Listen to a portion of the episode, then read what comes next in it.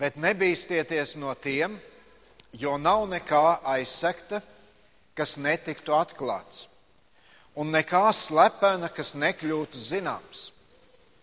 Ko es jums runāju tumsā, to sakiet gaismā, un kas teikts jūsu ausī, to pasludiniet no namu jumtiem. Nebīsties no tiem, kas miesu nonāvē, bet dvēseli nespēja nonāvēt. Bīstieties vairāk no tā, kas dvēseli un miesu var pazudināt ellē. Vai divus zvirbuļus nepārdod par nieka grasi? Un neviens no tiem nekrīt zemē bez jūsu tēva ziņas. Bet jums pat visi mati uz galvas ir saskaitīti. Tādēļ nebīsties, jūs esat vērtīgāki nekā daudzi zvirbuļi. Lūksim. Debes Tēvs, paldies Tev, ka Tu šajā rītā mūs uzrunādams saki šo vārdu nebīsties. Un tas ir tik vajadzīgs pasaulē, kur nepārtraukti cilvēki tiek baidīti. Palīdz mums apzināties, ka tu mums esi Un tu mums saki, nebīsties. Es esmu ar jums. Kungs, un uh, lai šī rīta pārdomas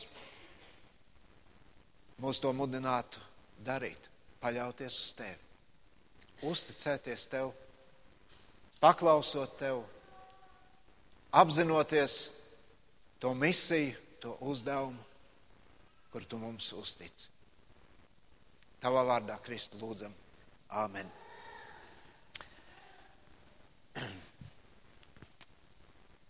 Raimons jau pieminēja, ka šodien ir bāreņu svētdiena. Un uh,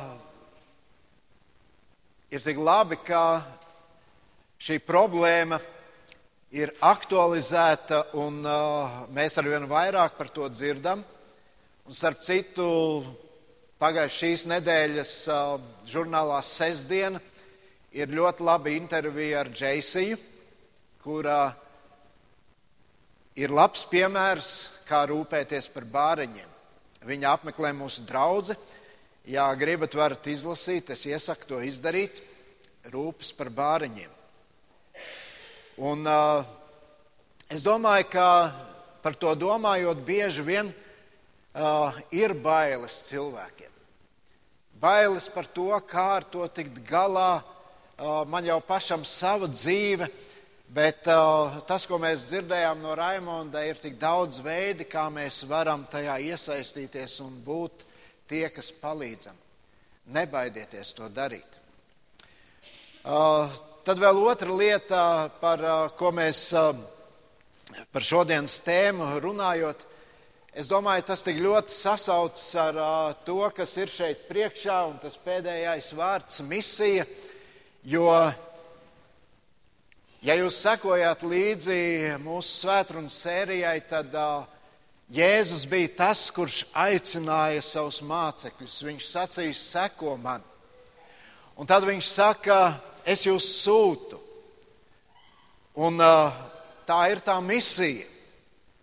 Un viņš sagatavo šai misijai savus mācekļus, un arī tas, ko mēs tikko lasījām, ir tāds neliels fragments no tā, ko Jēzus teica saviem mācekļiem, pirms viņi devās savā pirmajā misijas uzdevumā. Mācekļi bija tie, kas turpināja to, ko iesāka Jēzus. Vēlāk, vēl vairākas reizes viņš uztica saviem mācekļiem šo misijas uzdevumu, bet šī ir pirmā reize. Turpini, to, turpiniet to, ko es esmu iesācis, un nebīsties. Jā, mācekļi, kuri turpināja Jēzus iesākto, nevienmēr tika uzņemti pārāk labi. Un Jēzus to paredzēja. Un tāpēc jau pirms tam viņš saka, jums būs grūtības, es jūs sūtu kā avis vilku starpā. Būs problēmas, būs grūtības. Bet, lai arī mācekļiem nebija pārāk lielas pieredzes šajā ziņā, Jēzus viņiem uzticējās. Un mēs lasot uh, evaņģēliju, redzam, ka katra šīs grūtības norūdīja mācekļus. Viņi kļuva stiprāki savā ticībā. Viņi uzticējās Kristum un pārvarēja šīs grūtības. Tas rūdīja viņu raksturu. Un mūsu nolasītajā tekstā trīs reizes atkārtojas šis vārds nebīsties. Ne visi pret jums attieksies normāli, tā kā varbūt jūs to sagaidat. Bet tas, ko Jēzus saka, iemācies nebaidīties no cilvēkiem. Es domāju, mēs katrs esam baidījušies no cilvēkiem. Es atceros savu skolas laiku. Bija viens skolotāja, kura ļoti neieredzēja kristiešus. Un katru reizi, kad bija jāiet uz šīs skolotājas stundām, mans sirds daudzījās daudz straujāk nekā parasti. Jo es nekad nezināju, ko sagaidīt, ko viņi atkal pateiks, kā viņi mēģinās man ieriept. Nu, tas jau būtu tas sīkums, kā viņi vienmēr man centās izsaukt, tad, kad es nebiju labi sagatavojies. Bet viņai vienmēr bija kāds vārds, ko pateikt, kas tik ļoti man sāpēja. Un, ziniet, bija kāds brīdis, kad uh, tur bija kāda problēma, un, uh, un uh, viņa teica, atnāc kopā ar savu tēvu, ar saviem vecākiem. Un tēvs man nāca līdzi, un es jutos droši. Jo es zināju, ka man blakus ir mans tēvs. Jā, pasaulē mēs sastopamies ar situācijām, kur mums ir bailes. Tā varbūt ir kāda cilvēka sabiedrība, un mēs it kā jūtamies labi, bet tad pēkšņi tur uzrodas kāds, kāds cilvēks, kas tev uzdod nērts jautājumus. Un tu kaut kā mēģini tur izlavierēt, un tad pienāk nākošā reize, un atkal tas cilvēks ir priekšā, un tu jau baidies. Baidies par to, ko tad atkal šis cilvēks tev pajautās. Un ja kāds mums jautās, nu tu baidies, nu, protams, mēs teiksim, nē, nē, es jau neesmu nekāds zaķpastali. Bet nav tā ērtā sajūta. Un Bībele to sauc par bailēm. Jēzus grib norūdīt mācekļus. Un šo norūdījumu uh, var iegūt arī tādā veidā, ka Jēzus viņiem uztic grūtus uzdevumus. Viņus sagatavo, lai beigu beigās viņi justos drošīgi vienā situācijā, pārliecināti par sevi, par savu ticību. Un man liekas, ka šodienas pārdomas ir ļoti svarīgas arī priekš mums. Jo mēs kā kristieši savā ikdienā sastopamies ar ļoti dažādiem cilvēkiem. Un katru reizi, kad mēs jūtam šīs bailes, šo nērtības sajūtu kā kristiešu cilvēku priekšā, mēs nejūtamies īpaši labi. Un varbūt tu kādā brīdī esi jūties ļoti spēcīgs un pārliecinošs. Un tu esi varējis apliecināt Kristu, un tad pienāk kāds brīdis, un tu tomēr nejūties labi. Bībele runā par kādu cilvēku, par pravieti Eliju. Ļoti nozīmīgs personāžs Bībelē. Un mēs tur lasām par viņu, ka tur ir kāds brīdis, kā viņš apkauno 400 bāla praviešus. Liekas, viņa zvaigžņu stunda, kur Dievs caur viņu darbojas, kur Dievs uzklausīja viņu lūgšanu un teica, tas ir, es esmu Dievs, kam ir vērts ticēt. Un tur paiet kāds brīdis, Un viņš dzird, Elija dzird, ka ķēniņiene Izabele meklē iespēju viņu nogalināt. Un tur jau mēs ieraugām Eliju, ka viņš sēž zem kāda krūma, un viņš saka Dievam, Dievs, es esmu viens palicis. Es gribu labāk mirt. Viņš ir nobijies. Un mūsu dzīvē ir dažādi apstākļi, situācijas, ar kurām mēs sastopamies. Un tad tik ļoti svarīgi ir šie Jēzus vārdi. Nebīsties! Starp citu, Bībelē šis vārds ir minēts 365 reizes. Katrai dienai pa vienu reizi. Varbūt vienreiz četros gados mēs varam baidīties. Ja? Bet Dievs grib, lai mēs dzīvojam normālu dzīvi, nebaidoties. Jautājums ir, kāpēc cilvēki baidās? Ja mēs skatāmies Bībelē, tad redzam, ka Dievs sākumā to nekādā gadījumā to nebija iecerējis. Dieva nodoms bija radīt harmoniskas attiecības cilvēku starpā, tādas kādas tās bija ēdenes dārzā. Un kad mēs lasām pirmās divas Bībeles nodaļas, tur mēs to varam redzēt. Bet tad mēs nonākam līdz trešajai nodaļai, Un tur mēs lasām, kā grēks ienāk cilvēku starpā. Un iemesls tam ir tas, ka cilvēks vēlējās kļūt par dievu. Viņš vēlējās būt kaut kas augstāks. Un uzreiz šī harmonija tika izpostīta. Tad bija tikai divi cilvēki. Un jau tad mēs redzam šo neusticēšanos, kas ienāk cilvēku attiecībās. Un neusticēšanās rada šīs bailes. Bailes, jo cilvēks ir ieraudzījis sev blakus konkurentu. Bija Dievs, bija Ādams un Ieva, kuri pakļāvās savam radītājam, bet pēc tam, kad viņi pamēģināja, kā ir, kļūt kā dievam, viņi uzreiz sāka pavisam citādi skatīties viens uz otru. Viņiem liekas, nu, te ir vēl viens, kas pretendē uz to pašu vietu. Un viņi sāk baidīties viens no otra. Aizdomām skatījās viens uz otru. Un, ziniet, lai kaut kā sevi aizstāvētu, tad cilvēki izmanto ļoti dažādas paņēmienus. Viens no veidiem ir cilvēks noslēdzis, cilvēks norobežojas. Un kādu laiku jau varbūt viņš jūtas daudz maz labi, bet tas saspringzinājums paliek un bailes paliek. Otrs veids, ko cilvēki dara, uh, lai sevi kaut kā aizstāvētu, tas izpaužas agresijā.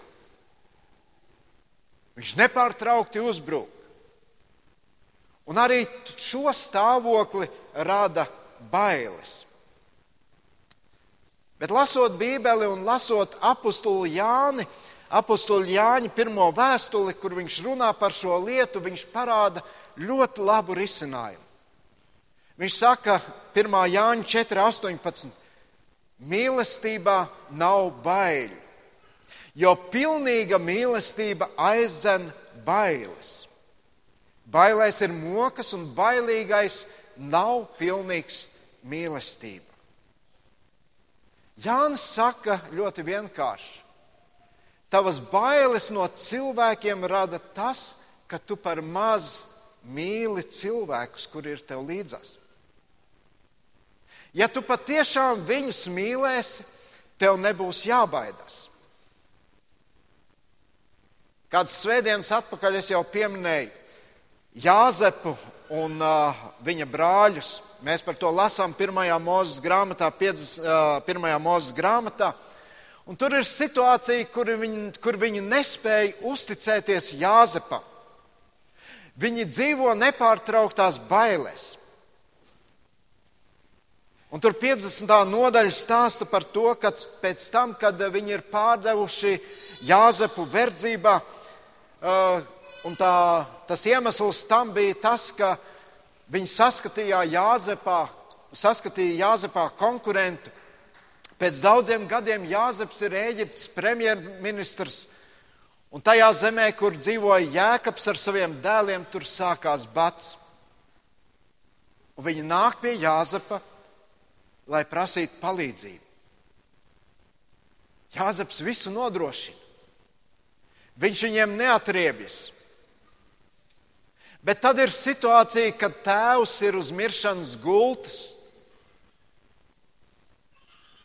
Un izrādās, šie 11 Jāzepa brāļi joprojām dzīvo bailēs.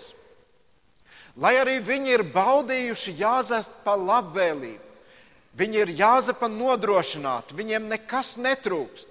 Viņi dzīvo bailēs. Un tad viņi izgudro šo stāstu, ka tēvs pirms nāves ir licis Jāzepam pateikt, lai viņš viņiem neatriebjas, lai viņš viņiem neko sliktu nedara.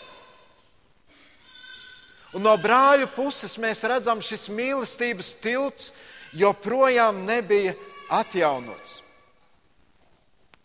Jēzus sūta savus mācekļus un saka, jūs iesiet, jā, ne visi jūs pieņems, bet neuzlūkojiet cilvēkus kā savus ienaidniekus. Ejiet mīlot cilvēkus. Un Jāzeps toreiz saviem brāļiem teica ļoti zīmīgus vārdus. Viņš teica: Nebaidieties, nebīsties, vai tad es esmu Dieva vietā. Ļoti brīnišķīga nostāja. Mans princips ir jūs mīlēt. Un kā jau es sacīju, bailes rodas, kad mēs sākam konkurēt ar citiem. Es lasīju, ka Amerikā, Vašingtonā ir kādas 30 organizācijas, kuras tiek sauktas par mēslu vācējām. Un uh, šīs organizācijas nav saistītas ar atkritumu apsaimniekošanu. Tur strādā cilvēki, kuri ir ļoti labi ģērbušies, melnos uzvalkos, baltos kreklos, kakls saitēs. Bet tie ir cilvēki, kuri nodarbojas ar to, ka viņi vāc informāciju, lai diskreditētu cilvēkus, kuri kandidē uz dažādiem politiskiem amatiem kompromatu meklētāji. Tā ir viņu nodarbošanās. Un, eh, kad mēs runājam par to, ka cilvēks baidās no citiem cilvēkiem, tad eh, šo baiļu iemesls bieži vien ir tas, ka mēs kaut kā gribam sevi padarīt labākus nekā mēs patiesībā esam. Tādā situācijā kādreiz nonāca ķēniņš Sauls, par ko mēs lasām 1. Samuēlā grāmatā. Tur ir uh, karš ar filistiešiem. Jūs atceraties to mazo ganu zēnu Dāvidu, kurš uzveica Goliātu. Un šis karaspēks ar saulu, un tur jau ir arī Dāvids, viņi nāk pilsētā cilvēki viņus sveic, dzied dziesmas. Un es gribu izlasīt dažus pantus no 1. Samuēla 18. nodaļas, no 6. līdz 9. pantam, kur ir aprakstīta šī situācija. Kad Dāvids bija nokāvis filistieti un tie atgriezās mājās, sievas no visām Izraēla pilsētām dziedādamas un dejodamas iznāca pretī ķēniņam Saulam ar lielu prieku ar tamburīniem un mūzikas instrumentiem. Un spēlēdamas sievas dziedāja, saules kāva tūkstošus, Dāvids desmitiem tūkstošu. Un tad klausieties tālāk. Sauls briesmīgi aizsvilās. Šis teiciens viņam nemaz nebija paprātam, un viņš nodomāja, Dāvidam šie piedēvē desmitiem tūkstošu, bet man tikai tūkstošus. Tad nu šim, šim vēl ķēniņu valsti kopš šīs dienas Sauls sāka uzmanīt Dāvidu. Ja mēs lasām šo stāstu vēl plašāk, tad mēs nekur neredzam, eh, ka Dāvids pretendēja uz Saula vietu. Jā, Samuēls bija svaidījis Dāvidu par ķēniņu. Un tur ir viņam iespēja, ka viņš varēja sauli nogalināt, bet viņš to nedarīja. Un viņa arguments bija, es nevaru pacelt roku pret dieva svaidīto, kāds bija arī ķēniņš sauls. Viņš nekad nespēja pārkāpt dieva principus un likumus. Bet redziet, sauls nekādā ziņā nespēja tam ticēt. Un viņš baidījās no Dāvida. Viņš sāka darīt visādas muļķības. Vēl viens iemesls, kāpēc mēs baidāmies no citiem cilvēkiem, ir tas, ka mēs jūtamies atkarīgi no viņiem. Un mums ir tik svarīgi, ko cilvēki par mums domā. Un tad mēs sākam darīt lietas, zinot, ka tas nemaz nav tik pareizi, tikai tāpēc, lai cilvēki pret mums labi izturētos. Mēs bieži vien esam gatavi atkāpties no saviem principiem, lai tikai mūs pieņemtu. Mēs negribam būt tie baltie zvirbuļi. Un bieži vien šādās situācijās bērni aizmirst to labo, ko vecāki viņiem ir devuši un kā viņus audzinājuši.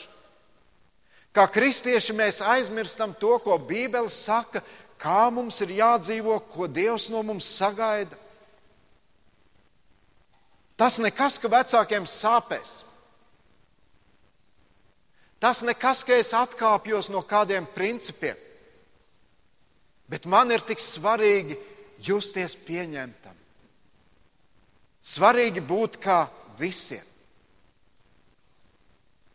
Kāds rezultāts ir mūsu bailēm? Baidoties, mēs aizmirstam par patiesību. Jo mēs baidamies galu galā no tā, kāda būs cilvēka reakcija uz patiesību. Kaut vai tāda vienkārša lieta. Mēs satiekamies un mēs jautājam, nu kā tev iet, kā tev klājas. Un tā vieglākā atbilde ir labi. Kaut gan nevienmēr ir tik labi. Bet ir vienkāršāk pateikt šo labi, jo kaut kur sirds dziļumos mūsos ir bail, kā tad tas otrs reaģēs. Ja es pateikšu par kādu problēmu, ja es pateikšu par kādu cīņu, ar ko es cīnos,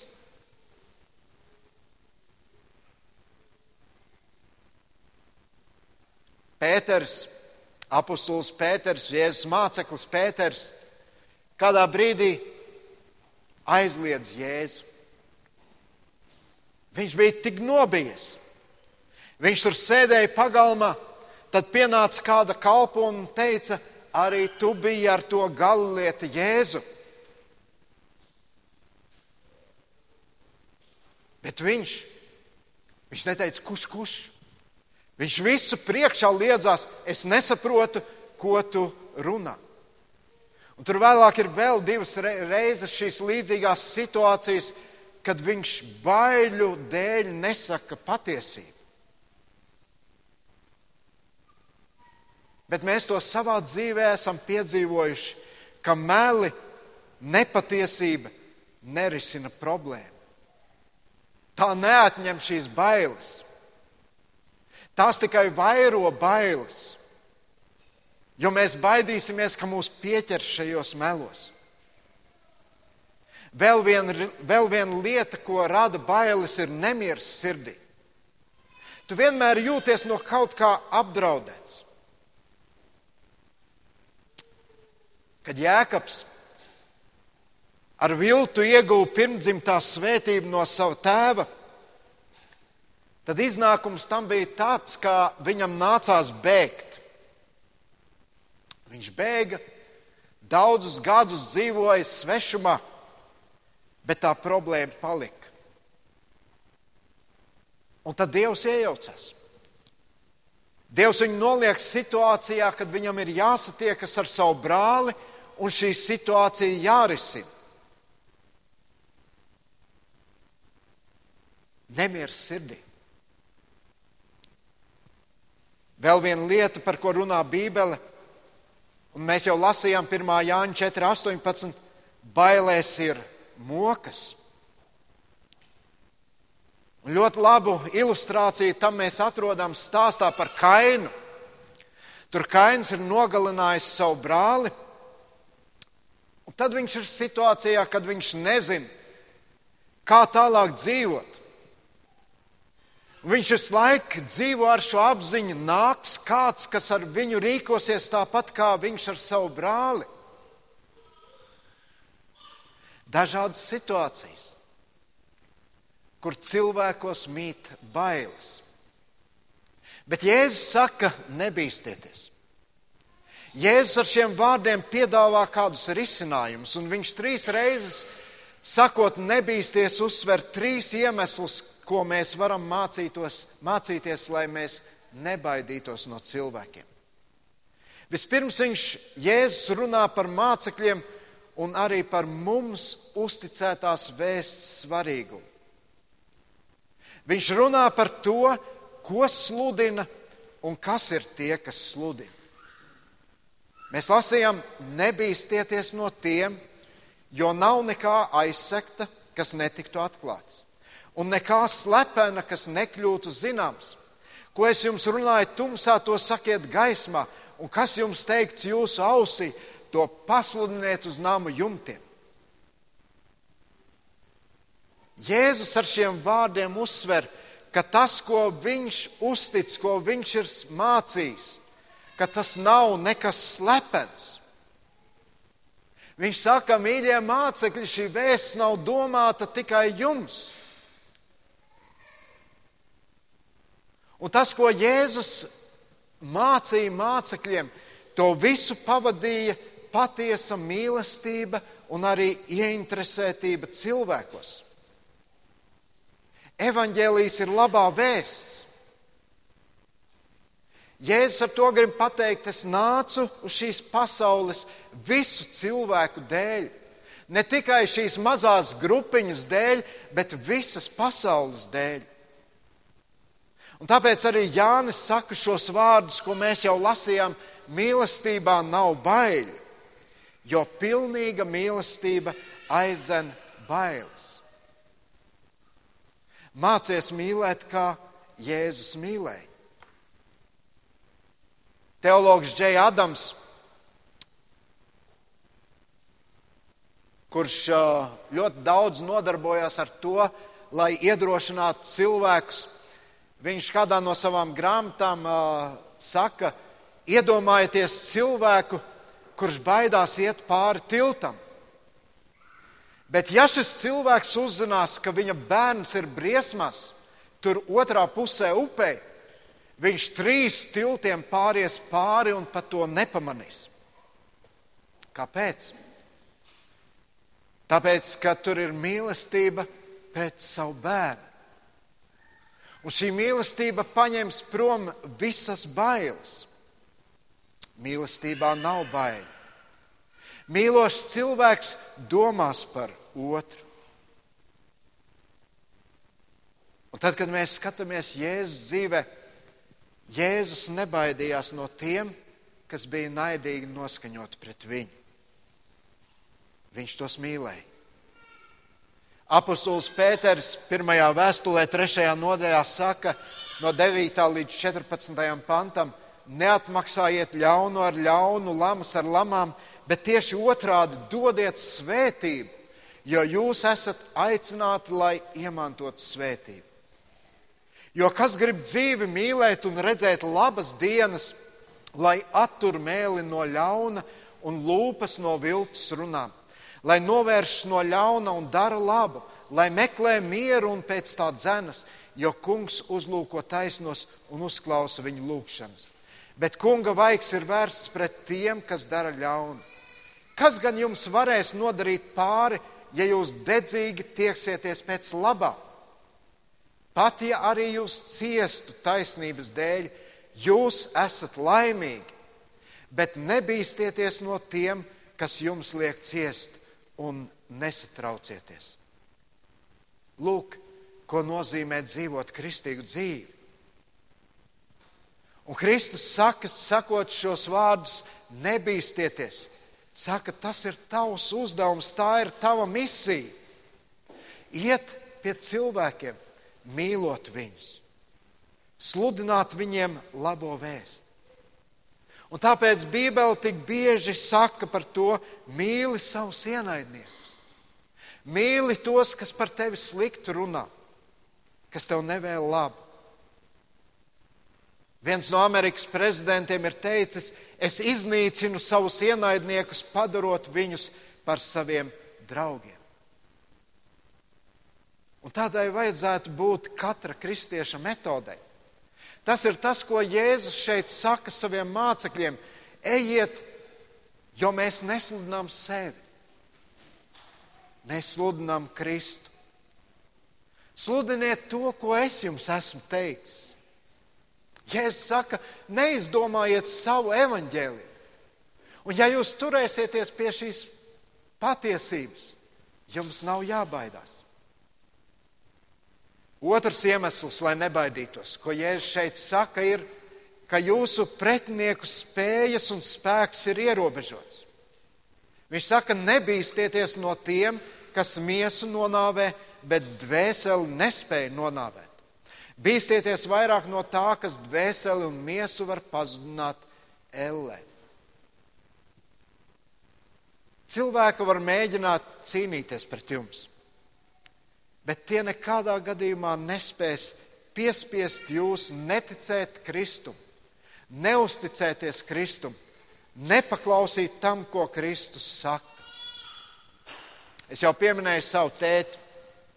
Manā bērnībā tētis šad un tad man skaitīja ļoti garu dzējoli.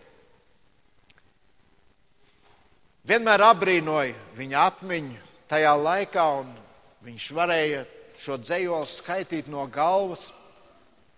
Un tur bija stāsts par kādu zēnu, kura vārds bija Cirilus.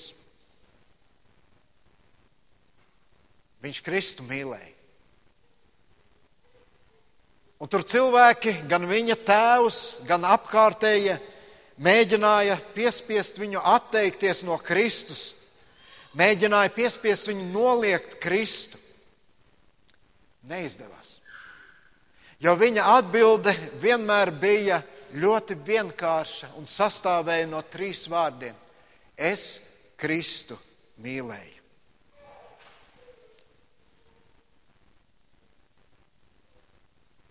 Vakar mēs svinējām reformācijas gadu dienu. Un viens no reformatoriem, Džons Knoks, uz viņa kapa pieminekļa ir vārdi. Te guļ tas, kurš bijās Dievu tik ļoti, ka viņš nebaidījās no cilvēkiem. Un tieši par to šeit runā Kristus, kad viņš saka, nebīsties. Ja tu bīsties Dievu, ja tu uzticies Dievam, tad tava dzīve būs brīva no bailēm pret cilvēkiem. Un vēl pēdējais iemesls, lai nebaidītos, ko Jēzus šeit uzsver, ir Dievs ir tas, kurš par tevi rūpējas. Vai divus zvirbuļus nepārdod par nieka grasi, un neviens no tiem nekrīt zemē bez jūsu tēva ziņas? bet jums pat visi mati uz galvas ir saskaitīti. Kādreiz Mārtiņš Luters piedzīvoja smagu brīdi savā ticības dzīvē. Un tad viņa sieva mēģināja viņam palīdzēt. Ko viņa darīja? Viņa uzģērba sēru drēbes, atnāca pie brokastu galda. Luters ieraudzīja to un sacīja: Vai kaut kas ir noticis, vai es kaut ko neesmu, zi, nezinu, vai kāds ir miris? Viņi sacīja, jā, Dievs ir miris. Kā Dievs ir miris? Sieva saka, dārgais, tu pēdējās nedēļas dzīvo tā, it kā Dievs būtu miris. Jēzus šeit saka, nebīsties. Jo ziniet, ka Dievs ir reāls un dzīvs. Viņš visu kontrolē. Pat zvirbuļi, kur ir tik daudz, tos pat neviens neievēro. Viņi nekrīt zemē bez dieva ziņas. Pat tavi mati ir saskaitīti. Kaut arī tu varbūt katru rītu tos ķemmē, un tu pat nezini, cik to izkrīt. Viņš visu kontrolē. Mīļie draugi, ja Kristus mūs sūta, ja Viņš sūta tevi misijā, un tā misija ir pie cilvēkiem, tu esi zem Dieva kontrolas. Dievs mūs mīl. Pāvils saka, un mēs zinām, ka tiem, kas Dievu mīl, un kas pēc viņa iepriekš, ka tiem, kas Dievu mīl un kas pēc viņa iepriekšējā nodoma ir aicināti, viss nāk par labu. Ja tu mīli Dievu, ja tu uzticies Viņam, ja tu paklausi Viņam, vienalga kāda situācija nāk tev priekšā, tas viss tev nāk par labu. Arī grūtības, jo tās tevi padara stiprākus. Un ja Dievs tik ļoti vērtē šos mazos zvirbuļus, ka Viņš rūpējas par viņiem, Dieva vārds saka, cik daudz vairāk par jums. Jēzus nāca šajā pasaulē dēļ cilvēkiem. Viņš nāca, lai tos glābtu. Arī mūsu. Un mēs pēc brīža nāksim pie svētā vakarēdiena. Lai tās nav tikai atmiņas, lai tā ir realitāte, kura mums to atgādina. Es nenācu tāpat vien. Es nenācu tāpat vien, lai jūs tur savā starpā labi justos. Es nācu un es sūtu jūs, lai jūs turpinātu, ko es esmu uzsācis. Ķēniņš Dāvids daudzas reizes piedzīvoja bailes cilvēku priekšā. Bet tad kādā situācijā viņš uzrakstīja brīnišķīgu salmu, ļoti pazīstamu. Tas kungs ir mans gans. Man netrūks nieka. Viņš man liek ganīties zaļainās ganībās. Viņš mani vada pie skaidra ūdens. Viņš atspirdzina manu dvēseli un ved mani pa taisnības ceļiem savu vārdu dēļ. Jebšu es arī staigāju tumšā ielā, taču ļaunuma nebīstos, jo tu esi pie manis. Tava gana vēzda un tavs gana zīzlis mani iepriecina. Tu klāji man galdu maniem ienaidniekiem redzot, tu svaidi ar eļu manu galvu, mans kaus ir piepildīts pilns līdz malai. Tiešām, labums un žēlastība mani pavadīs visu manu mūžu, un es palikšu tā kunga namā vienmēr. Vai tas ir tavs Dievs? Kuram arī tu vari teikt šos vārdus. Kurš joprojām tev saka, nebīsties. Lai Dievs palīdz, ka tad, kad mēs apzināmies, Kristus mani sūta, mēs ejam ar šo apziņu, man nav jābaidās. Es eju ar vēsti, ko Kristus man ir uzticējis. Un man ir svarīgi paklausīt Kristu. Lūksim Dievu. Debes Tēvs, paldies, ka Tu ļauj dzīvot šajā pasaulē mums. Un paldies, ka Tu mūsu vienkāršus cilvēkus esi izredzējis, lai mēs turpinātu Tevis iesākto. Tu redzi, ka daudzreiz esam baidījušies. Bet Dievs, paldies, ka šodien Tavs vārds mums atgādināja šo patiesību. Tavs vārds deva mums šo iedrošinājumu, nebaidies. Apliecini mani, parādi, cik ļoti tu mani mīli. Un parādi, ka tu mīli arī tos cilvēkus. Kungs, paldies, ka tu to atgādini man. Paldies, ka tu to atgādini brāļiem un māsām šodien šeit.